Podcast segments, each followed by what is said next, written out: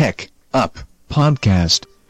Dobar dan i dobrodošli dragi slušalci ponovo na TK Podcast u našu najnoviju epizodu i ideju za ovu današnju epizodu ili emisiju kako god želite sam dobio u razgovoru sa jednim mojim prijateljem. A zapravo tema ove naše epizode će biti koliko često kupujemo mobilne telefone u 2019. godini.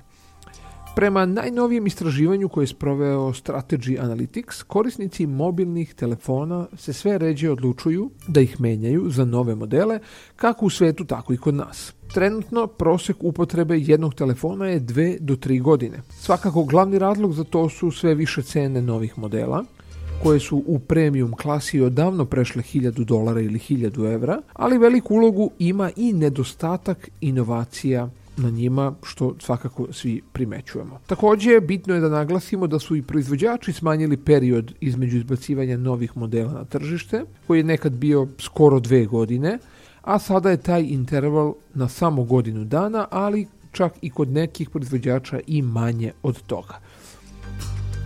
Iako vam možda ova dva podatka na prvi pogled deluju kontradiktorno, kao i meni kad sam se pripremao za ovu emisiju, Kad bolje razmislite, u stvari i imaju smisla. Pošto se smanjuje kupovina, proizvođači su prinuđeni da ponudom novih modela privole nove kupce ili postojeće da zamene svoje telefone, da, a da bi zadržali profit, moraju da povećaju njihove cene i tako u krug. Svakako jedan od najvećih noviteta u poslednje dve godine složit ćete se biće podrška za 5G tehnologiju, a istovremeno će i cene telefona sa 5G podrškom biti prilično visoke, što znači preko 1000 dolara ili ti preko 1000 evra.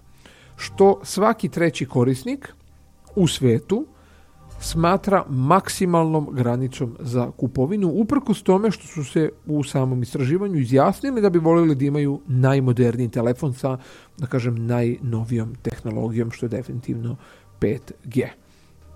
E sad, neke kompanije pokušavaju da taj problem reše na drugačiji način.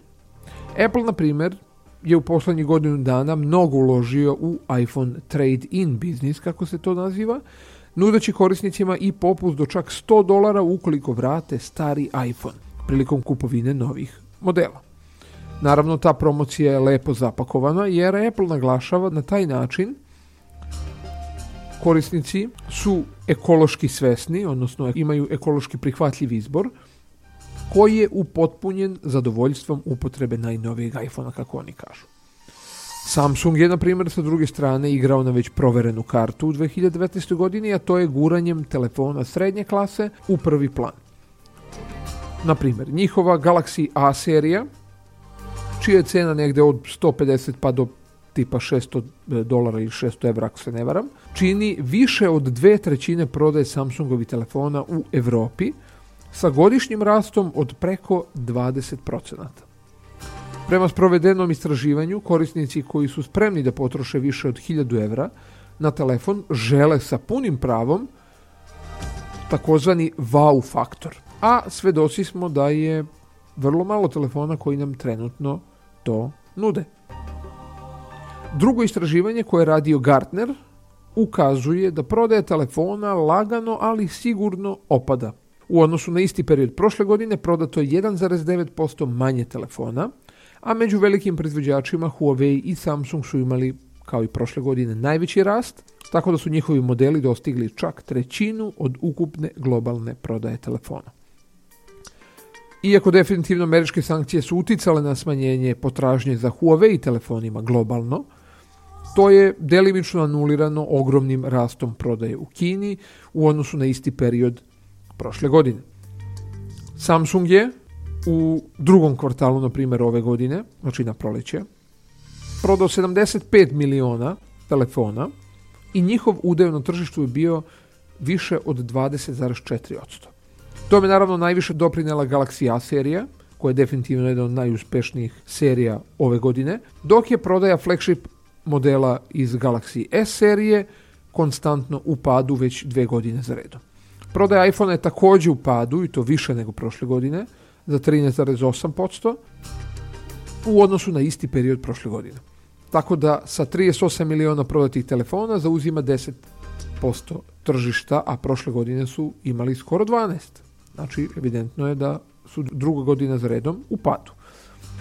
Prodaja Apple telefona u Kini je u tom periodu pala za čak 14%, dok istovremeno e, prodaja Huawei modela porasla za 31%.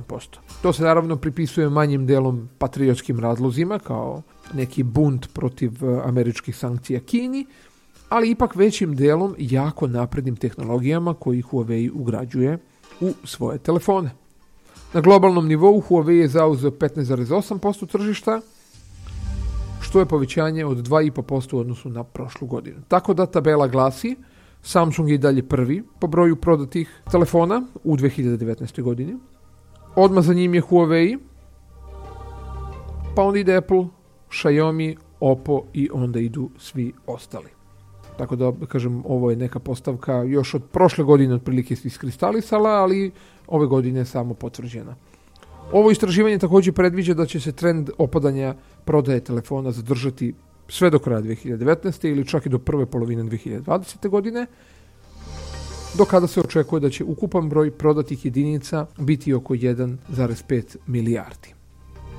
Posebno se osjeća pad prodaje telefona premium klase, što je definitivno vrlo uočljivo, i kod Samsunga, i kod Apple i tako dalje, pa je vidljiv trend prebacivanja naprednih opcija i, na primjer, boljih kamera – u srednji segment tržišta, što smo naravno imali prilike da vidimo kroz praktično celu ponudu u 2019. godini, posebno kod Samsunga i Huawei koji su zaista ponudili odlične modele za vrlo prihvatljiv novac sa vrlo dobrim kamerama i dobrim specifikacijama.